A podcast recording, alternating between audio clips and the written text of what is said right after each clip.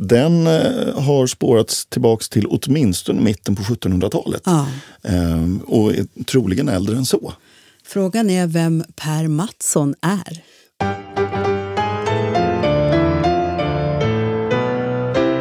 Hej och välkomna tillbaka till podden Slott och krona med mig Caroline Edman. Och mig, Jonas Rosin. Ja, vi arbetar ju som slottspedagoger på de tio kungliga slotten och vi eh, fördjupar ju oss nu i tre program om julfiranden på slotten genom olika tider. Ja. Och då har vi kommit fram till Oscar den andra och drottning Sofias tid. När är det här? Ja, förra avsnittet då pratade vi om Karl XV, Ja. där, eh, mitten på 1800-talet. Just det. det här är alltså Karl XVs lillebror som föds 1829. Ja, Och han efterträdde Karl XV som kung 1872. mm. För Karl XV han avlider utan manlig arvinge och på den här tiden är det ju manlig tronföljd som gäller. just det. Så då går eh, kronan inte till bror nummer två som man skulle kunna tro. Nämligen eh, prins Gustav, sångarprinsen som vi nämnde i förra avsnittet. För han är också redan avliden. Ja. Utan hastigt och lustigt är alltså son nummer tre kung av Sverige. Vilket ingen hade räknat med. Och han är sen kung fram till 1907. Och det här är ju en ganska lång period. em, Så att det här brukar kallas för den oskarianska eran i Sverige. Just det, och han gifte sig då med Sofia Av Nassau. Ja. Precis. Eh, Och Nassau är ett litet tyskt furstendöme. Eh, Det är ju inte en av de stora eh, tyska staterna. Nej. För det var lite ointressant eftersom Oscar då var son nummer tre. Ja, Eh. han var redan gift när han eh, blir kung. Så att Ja, säga. och Ah, de hade också flera barn just det. redan. Ja. Ehm, Så när, när Oscar då ska gifta sig så visst, det ska vara en riktig prinsessa men vi behöver inte lägga det mesta krutet Mm. på det. Och eh, då hittar man då en lämplig prinsessa i Sofia av Nassau. Just det. Och vad är det för Sverige vi ser runt omkring de kungliga? Ja, men, eh, det är nu som Sveriges befolkning en stor del emigrerar till Amerika. Det kommer svältår, 1860-tal. Eh, men 1880-tal så kommer också de första telefonerna, eller hur? Ja, Eh. Och det gör de. där var kungligheterna snabba att ta in Ja, Det är de. telefonen. Ja, Och det, det är ju lite roligt att vi svenskar har alltid älskat telefoner. ja. Ehm, och det gäller även för kungafamiljen. Och redan 1883 så kommer de första telefonerna till slottet. Oj, ja. Men då är det faktiskt inte extern telefonlinje utan det är intern telefonlinje. Just det. Eh, Så att man kan ringa inom huset. Mm. Och bara det är ju en, eh, en innovation. Ja, och då kunde man ringa ner till köket till exempel. Ja, precis. Ja. Eller kungen kan ringa till sin son i andra änden av slottet och, och Just så vidare. Det. Ja. Eh, Det dröjer några år, omkring 1890 får man linje ut. Så att man kan börja ringa till resten av Sverige också. Och där vet vi att eh, Tullgarn får telefon samma år.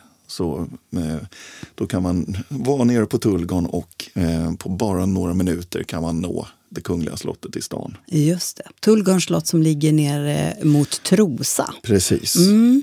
Och det är ju ett sommarslott som många av kungligheterna har trivts väldigt bra på. Ja, Ja. det har de. Eh, drottning Sofia då, hon startade ju Sofiahemmet. Mm. Eh, och det var ju en utbildning för eh, sjuksystrar enligt modell av Florence Nightingale. var Ja, det inte precis. Så? Ja. Eh, Sofia läste ju väldigt mycket. Hon var väldigt intresserad av eh, samhällsfrågor. Och hon hade ju då läst om Florence Nightingale och Mm. hennes moderna tankar på en modern sjukvård. Just det. Så hon åkte ju faktiskt över till London under pseudonym eh, för att hälsa på hos Florence Nightingale. Mm. Och hon är ju då, om vi ska prata innovationer, hon är ju den första svenska kunglighet som åker tunnelbana. Oho, i London. just det. Och när hon kommer hem så har hon med sig idéer på att eh, eh, vi ska utbilda sjuksköterskor. Och startar då eh, Sofia-systrarna eh, sjuksköterskeutbildning. Just det, art, redan 1883. Mm. Ja. Och när hon då har startat den här skolan så går hon sen till Sabbatsberg eh, och pratar med lä- läkarna där om att här har vi utbildade kvinnor som kan hjälpa till och blir mer eller mindre utskrattad ja, just det. för något så dumt som att kvinnor ska vara utbildade och kunna ta egna beslut när det finns manliga lärare, eh, läkare på plats. Det är ju onödigt. Mm, hon blev lite irriterad över det där, Hon eller hur? blev ju det. Ja, Ja. Så hon går till Oscar och eh, frågar om inte Oscar har en bit land som hon kan få. Och Oscar har mycket riktigt en landplätt långt utanför Stockholm, ända borta vid Valhallavägen. Och där får då Sofia bygga upp en, eh, ett eget sjukhus. Just det. Sofiahemmet. 1889 va? Ja, ja. precis. ja. ja det, och det finns ju fortfarande kvar Mm. idag. Och räknas som en av de bästa sjuksköterskeutbildningarna i landet. Ja, häftigt. Ja, men vi ska ju prata om eh, jul nu då på Oscar och Sofias tid. Vad, hur, vad har vi för källor kring den oskarianska julen? Ja, jag berättade ju i förra avsnittet att vi inte har så väldigt mycket källor på Karls julfirande. Just det. Nu med Oscar den andre, då är vi betydligt, eh, i i ett betydligt bättre läge. För nu finns det sparat i slottsarkiven. Vi har menyer, vi har eh, inköpslistor och eh, vi har också väldigt mycket eh, personliga anteckningar. Flera av de kungliga har ju skrivit memoarer Just det. Mhm. inklusive Oscar den andre. Och även barn och barnbarn. Så där har vi väldigt goda källor på hur jularna såg ut. Mm. Vi började ju förra podden med att prata om granen och granens eh, entré i eh, kungahuset. Hur eh, klädde g- granan, kläddes granarna under den här tiden? Ja, det är lite på, på eh, samma sätt. Ja. Att det är glaskulor, Ja. dyra saker, men det är också mycket eh, pappersdekorationer. Nu börjar man ju också m- väldigt mycket med flaggor i julgranen. Och då ska det ju vara svensk-norska flaggor eftersom Oscar och Sofia är kung och drottning av Sverige och Norge. Just det. Men det som är det intressanta det är väl antalet Ja. granar. Det var många. Det var många, det var inte bara en. Ehm, jag läste ju upp en notis om, om eh, att prinsessan, alltså prinsessan Lovisa, hade gran. Och det är ju enda omnämnad. Men när det gäller Oscar den andre, då vet vi att det var flera granar i rummet där man hade granen. Eh, tre eller fyra stycken var inte omöjligt till en början. Var befinner vi oss? Vi är på Kungliga slottet Ja. och vi är i Bernadotte-våningen Ja, och det som idag kallas för Lovisa Ulrikas matsal. Det är en, en väldigt stor sal, Ja. men den är full med granar. Eh, åtminstone tre, kanske fyra eller fler. Och, eh, först så ska det vara en riktigt stor gran. Och sen två eller tre normalstora granar och så någon gran en till barnen i litet format. ja just det, såklart. Och hur såg eh, firandet ut då?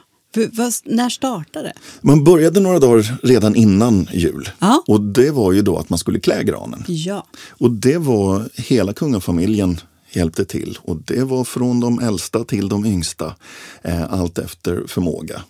Och eh, det här har ju då eh, barnbarnen skrivit om, Gustav VI Adolf och prins Wilhelm, eh, hur de klättrade på höga steg, stegar för att eh, klä granen. Och det här sågs ju inte med blida ögon av damerna framförallt. Att barn, Livsfarligt. livsfarligt.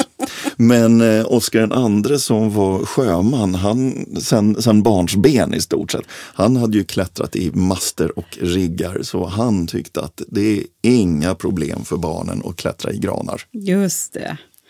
Och Det här med julklappar då. Jag tänker, var det julklappar både till anställda och till eh, kungligheter? Mm. Ja. Det var det. Och nu har det börjat bli så pass mycket eh, paket att man har helt enkelt inte tid att slå in alla paketen.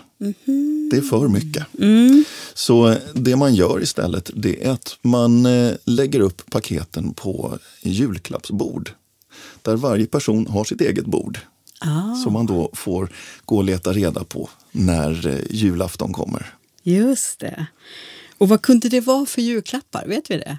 Ja, det, det finns ju väldigt väl beskrivet. Ja. Och, och det är ju det som man skulle kunna se eh, på ett modernt julklappsbord idag också. Det är, det är både kläder och det är böcker och det är guld och silver.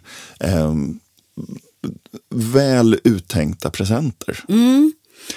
Jag tänker det här med kläder är ju intressant. Det fanns ju en eh, väldigt populär eh, sömmerska eller som startade eh, en, en, eh, en produktion av, av kläder, Augusta Lundin. Mm. Precis. Var det någonting som, som man köpte kläder Oh från? ja, det var det. Till damerna antar Till jag. Mm. damerna. Ja, det var en stor mängd eh, klänningar som Augusta Lundin sydde upp åt de kungliga damerna. Vad härligt. Ehm, hur, skedde, hur, hur gick det till då det här med julklappsutdelning och så? Man eh, samlades utanför salen Ja, till att börja med, eh, med stängda dörrar. Och, eh, och det här var både när man firade med familjen och även när personalen då skulle få sina julklappar. Så samlades man utanför dörren och eh, kungafamiljen var där och Sofia eh, pinglade i en liten silverklocka för att eh, ringa in julen. Sedan öppnade man dörren. Och eh, man fick gå in och så fick man då gå runt och leta efter sitt julklappsbord och eh, jämföra sina presenter. Härligt. Men visst var det så att det kanske inte alltid var så populär? Alltså att man, man fick en present som kanske inte riktigt passade. Nej precis, det stämmer. Och det är ju samma sak då som nu, eh, både i slott och koj. Att, eh, svärmor kanske inte riktigt har tänkt igenom eh, vad man vill ha. Och det här har ju prins Wilhelm skrivit om i sina memoarer. Ja. Och, eh, eh, där eh, skriver han då att farföräldrarna var kända för sin givmildhet och önskan att bereda andra glädje med påföljd att alltsammans närmast gjorde intryck av varuhus. Särskilt farfar, det vill säga Oscar II, var outtröttlig att gå från bord till bord demonstrerande gåvorna och förvissade sig om att en var fått vad han eller hon önskat sig. Och alltid hade han ett vänligt ord till hans eller kom han med någon skämtsam anspelning i samband med presenten. Då var han ingen sagokung längre utan en godhjärtad jultomte, glad att se tacksamma och belåtna ansikten omkring sig. Och sen kommer då det lilla tillägget. Att det tredje dagen blev ett fasligt spring till Leja för att byta klappar fick han säkert aldrig reda på. Och Leia, det var... Det är föregångaren till eh, dagens NK. Just det, precis. Ja, man fick byta. Undrar om han visste att de höll på så där och bytte? Eller om, om han fick reda på det? Därom tiger källorna. Ja, man vet inte.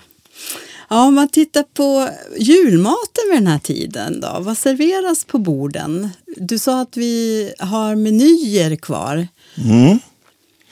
Ehm, och där finns det eh, ett stort antal menyer. Ja. Eh, och eh, av menyerna att döma så är det väldigt skilda måltider från år till år. Ja, Det är inte ett traditionellt julbord på det sättet att det är samma måltid varje år utan ehm, det varierar. Mm, Men vi hittar ju från år till år ehm, diverse saker som, som återkommer. Lutfisk och, och färsk sparris till exempel, Ja. det återkom Ja. varje år. Helstekt spädgris var också återkommande. Mm. Eh, oxfilé, eh, någon form av fiskfilé eh, brukade serveras också. Så att det är ju ordentliga måltider. Ja. Och sen ofta så avslutades det med en gâteau lyonnaise, alltså en eh, eh, tårta från Lyon. ja. importerad. Ja, Eller? troligen tillverkad i, eh, eller bakad i Stockholm, Säkert. men eh, av utländskt recept. Ja. Eh, 1886 ska jag ju nämna att eh, glass, punsch och lemonad serverades vid julgranarna. Åh, vad trevligt. Eh, jag har hört talas om att det fanns en tradition Per Mattsson med champagne. Ja. Vad är detta? Ja, det här är en, eh, en intressant tradition. Ja. Ehm, där, eh, som, som hänger ihop med en, eh, ett horn som Oscar II fått i eh, present. Jaha. Och det här hornet det ska enligt traditionen ha suttit på ett fruktansvärt sjöodjur i Finland.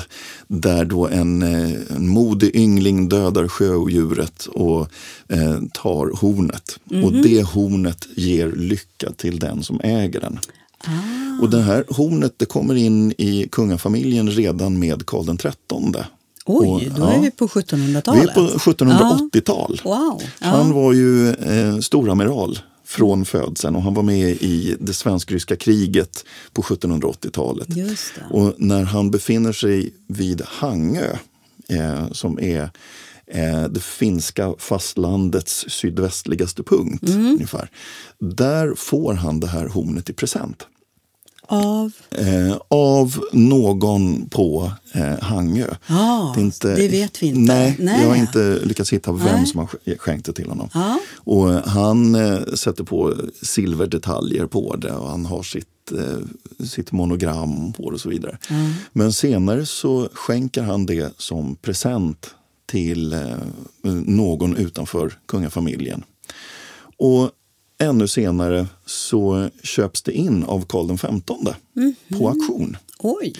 Och eftersom eh, Karl XIII var sjöman och lillebror Oscar II var sjöman Just det. så tyckte Karl tydligen att det här passar alldeles utmärkt. Så det hornet fick då Oscar II i present. Och det hade han under lång tid på sitt, eh, sitt skepp som hette Drott. Ja. Därför brukar det Mm. här hornet kallas just för drotthornet. Men till jul plockades det fram. Och vid middagen då så fylldes hornet med champagne. Och eh, först så lämnades då hornet till kungen. Och där hade man då en ramsa att eh, kungen vänder sig först till drottningen och säger Per Mattsson. Och drottningen svarar, vad vill du? Kungen, jag vill dricka. Drottningen, nå så drick då. Och så dricker kungen ur hornet. Och när han har druckit så säger han Per Mattsson. Och drottningen svarar, vad vill du? Och kungen säger, jag har druckit. Hur smakar det? frågar drottningen. Känn på, säger kungen. Och så lämnar han över eh, hornet till drottningen och så fyller man på det och så gör man samma sak runt hela bordet. Och eh, tills då alla har druckit hela vägen runt. Men det som då är den stora utmaningen, det är ju att hornet är ju krumpt. Det är vridet. Så man måste hålla hornet på exakt rätt sätt, annars får man hela ansiktet fullt med champagne. Men v- vad jag förstår så är det här någonting som faktiskt fortfarande finns kvar eh, i modern tid. Mm, delvis i alla fall. Ja, precis. Men det är en gammal lek. Ja, det är det. Den eh, har spårats tillbaks till åtminstone mitten på 1700-talet. Ja. Ehm, och är troligen äldre än så. Frågan är vem Per Mattsson är. Det undrar jag med. Det kan vi nog inte få veta. Men om det är någon av våra lyssnare som sitter på svaret så får ni gärna höra av er. Vet du förresten om det var någon som fick champagne över hela sig från det där hornet? Ja, men det vet vi. Det finns beskrivet flera gånger att någon är för snabb och vänder hornet fel. Ja. Ja, men gå vidare då. Mellandagarna, hur såg de ut för eh, Oscar och Sofia? Vad gjorde man då? Ja, för, eh, för Oscar och Sofia så är, inleds ju mellandagarna med julottan. Ja. Eh, Och av tradition för dem så eh, bevistar eh, Oscar och Sofia julottan i Klara kyrka. Och det är från den tiden då de bara var prinspar. Då bodde ju de i Arvfurstens palats, Ja. det vill säga nuvarande UD Just och det. Mm. tillhörde alltså Klara församling. Så där kom den traditionen att eh, julottan är i Klara kyrka. Mm. Men eh, sen åkte man ut till Drottningholm och eh, tillbringade eh, mellandagarna där. Och där var det vinteraktiviteter på samma sätt som Karl XV. Det var skridskoåkning och det var pulkåkning och slädfärder och man var också ute och jagade under mellandagarna. Ja, ah, härligt. Och sen vet jag att eh, drottning Sofia hade barnkalas på nyår. Visst var det så? Ja, det hade hon. Ja. Eh, och det var ju också ute på, eh, på Drottningholm. På Drottningholm, Ja. ja. Och det var riktiga julgransplundringar. Eh, Mm-hmm. Men vid nyår? Ja. ja, ja. Och det här är inte så fast, fast etablerat som det är idag. Att eh, vid 13-dagsafton eller 20 Knut så är det eh, julgransplundring. Utan julgransplundringarna kunde ske betydligt tidigare. ja, ja. Eh, och här är det julgransplundring i ordets rätta bemärkelse. Man plundrar granarna på allt som är ätbart Ah. och äter upp det. Just det, men det var några som inte fick äta, eller hur? Ja, det stämmer. Eh, prinsarna och prinsessorna fick inte äta eh, av eh, det man plundrat från julgranarna. För man tyckte att de hade redan fått tillräckligt. Vad tråkigt! Ja, det kan man tycka. Snopet, tänker jag. Ja. Men då var det deras kompisar som, Deras som kompisar fick, äta. upp allting. Ja, och så fast, vad- vad- det fanns en del lekar som man pysslade med också. Vad, vad var det för Mm. Och lekar? det här har eh, prins Wilhelm också skrivit Ja. om i sina memoarer. Lite följa John-aktigt Ja. eh, som eh, Oscar själv eh, deltog i. Och då var det Oscar som var eh, följa John och eh, eh, mufti fe comme si, mufti fe comme ça. Eh, alltså morfar gör så här, morfar gör så här. Och så skulle man då följa efter på olika sätt och det var eh, enligt prins Wilhelm vansinnigt roligt att få leka det. Ja. ja, men vi slutar dagens podd på Drottningholm. För jag tänker att det blir en liten vinkning till nästa veckas podd. För att då ska vi också gå lite framåt i tiden mm, och titta på Gustav V och Victorias jular. Ja. Och de firade väl på Drottningholm? De var väldigt mycket på Drottningholm under Ja. julfirandet. Då får vi höra mer om det Ja, eh, nästa vecka. Så eh, vi hörs då. det gör vi.